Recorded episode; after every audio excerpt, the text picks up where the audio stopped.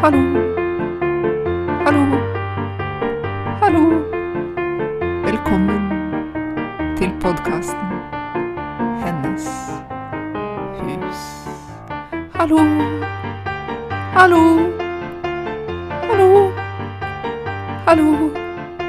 Velkommen til podkasten Hennes hus.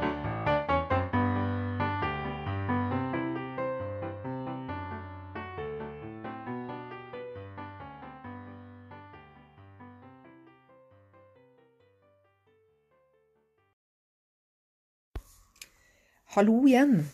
Velkommen tilbake til Hennes hus. Dette er den andre episoden jeg forsøker å ta opp på mobilen, og jeg er fortsatt veldig spent på lydbildet og hvordan det vil utvikle seg. Men jeg håper veldig at det er til å leve med, for jeg føler meg så inspirert igjen nå eh, til å lage podkast og til å snakke om tynne steder i Lofoten. Fordi Lofoten må jo kunne sies å være et eneste stort, eh, tynt sted, spør du meg. Her er det helt uh, spesielt. Nå når jeg tar opp det her, så er det mai, og det er uh, lyst hele tida. Hvitt lys. Akkurat denne maien er ganske våt og regnfull, uh, så det har ikke vært så mange solfylte sene kvelder så langt, men det er et underlig hvitt lys eh, hele natten som, eh, som det kjennes som gir masse energi. Det er eh, veldig, veldig rart for noen som ikke har opplevd det før, for en puslete søring som meg.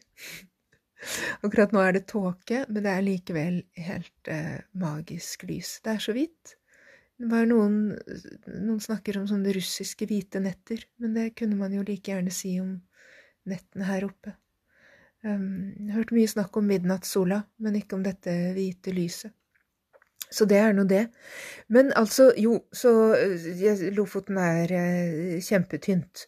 Og, og, tynt på en litt annen måte. Altså, i sesong én så snakket jeg jo ganske mye om sånn historiske steder, og steder hvor mennesker har vært og, og gjort ting.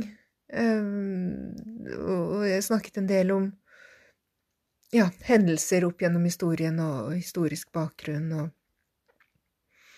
og gjerne snakket jo om Iona og, og kristne steder, sånn, eh, hvor man kan tenke seg at ja, kanskje er det Fins det steder på planeten som, hvor natur, naturen gjør det sånn at det, det oppleves som at sløret mellom mellom den materielle verden og den, det hinsidige er tynnere enn ellers. Kanskje er det sånn i utgangspunktet, og kanskje er det også sånn at menneskelig aktivitet setter energetiske spor, og at for eksempel et sted hvor det er blitt bedt mye, eh, at det kan merkes på atmosfæren. Jeg er tilbøyelig til å tro det, eller til å, å, å synes at det kan merkes i kirker, for eksempel, og, og bestemte kirker mer enn andre, og andre spirituelle steder, definitivt, andre spirituelle sentre av forskjellig slag.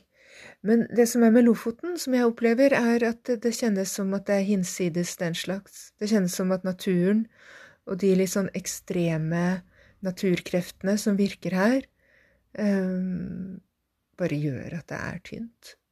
Man eh, føler seg litt sånn på kanten av verden.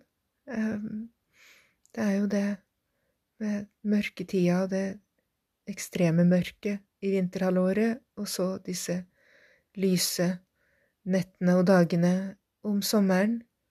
Og så er det jo mye vær, da. Utrolig mye vær. Så, så det kjennes som en annen form for tynnhet, hvis det gir mening.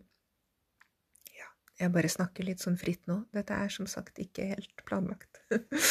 Men allikevel så har jeg tenkt å i disse episodene, da, som jeg tror blir mye kortere enn de som var i sesong én eh, Så i de episodene så har jeg tenkt å snakke om bestemte steder i Lofoten.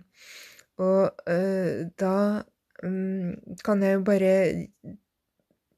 skissere noen ideer jeg har nå, og de vil ja, være fleksible. Her kan ting endres. Men eh, noe som er veldig spennende, er disse hulene som finnes eh, visstnok langs hele kysten fra Trøndelag og oppover, eh, hvor det finnes hulemalerier som eh, kan være laget så tidlig som 3000 år før vår tidsregning.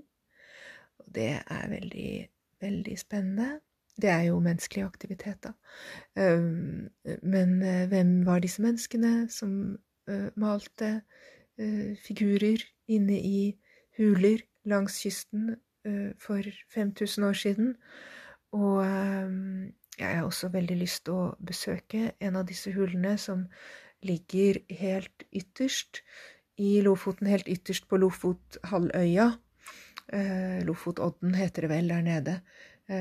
På Moskenes. Øya Moskenesøy, ja. Der fins det noe som heter Refsvikhula. Eller Kollhellaren kalles vel den også for, som er et sted som heter Refsvik.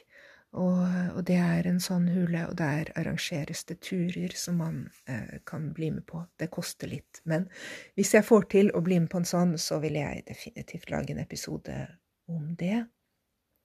Det er også flere spennende steder. Det fins også eh, sånn hule på Værøy, og det fins en på en, en liten øy som heter Trenyken som er eh, utenfor Røst. Og den kalles for Helvete, den hula der. Så det er interessant. Jeg tror jeg var litt inne på disse hel-navnene i sesong én. Allerede i Helsfyr-episoden, ja, hvis man hører på den. Angående gudinnen Hel og sånn. Men ja.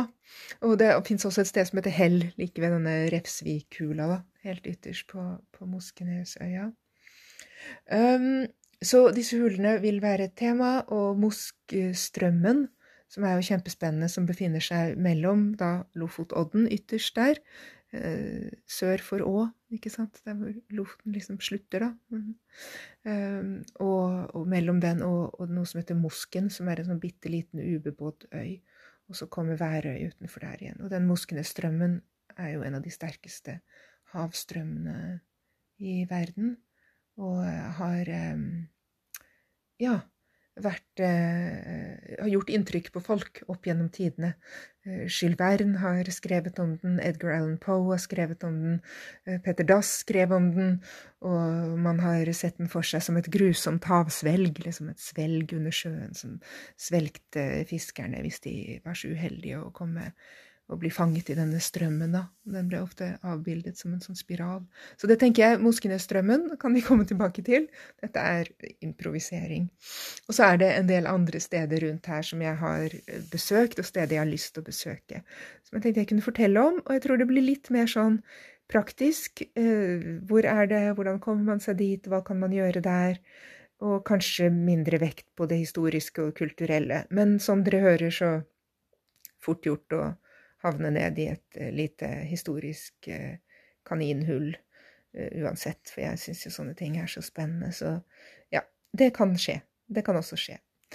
Um, ja. Jeg tror jeg slutter der. Dette ble en slags sånn introduksjonsepisode nummer to. Den første var virkelig testepisode. Her skisserer jeg litt mer hva jeg vil gjøre i sesongen. Og så får vi se hvor veien går. Ok. Ha det bra, og takk for nå.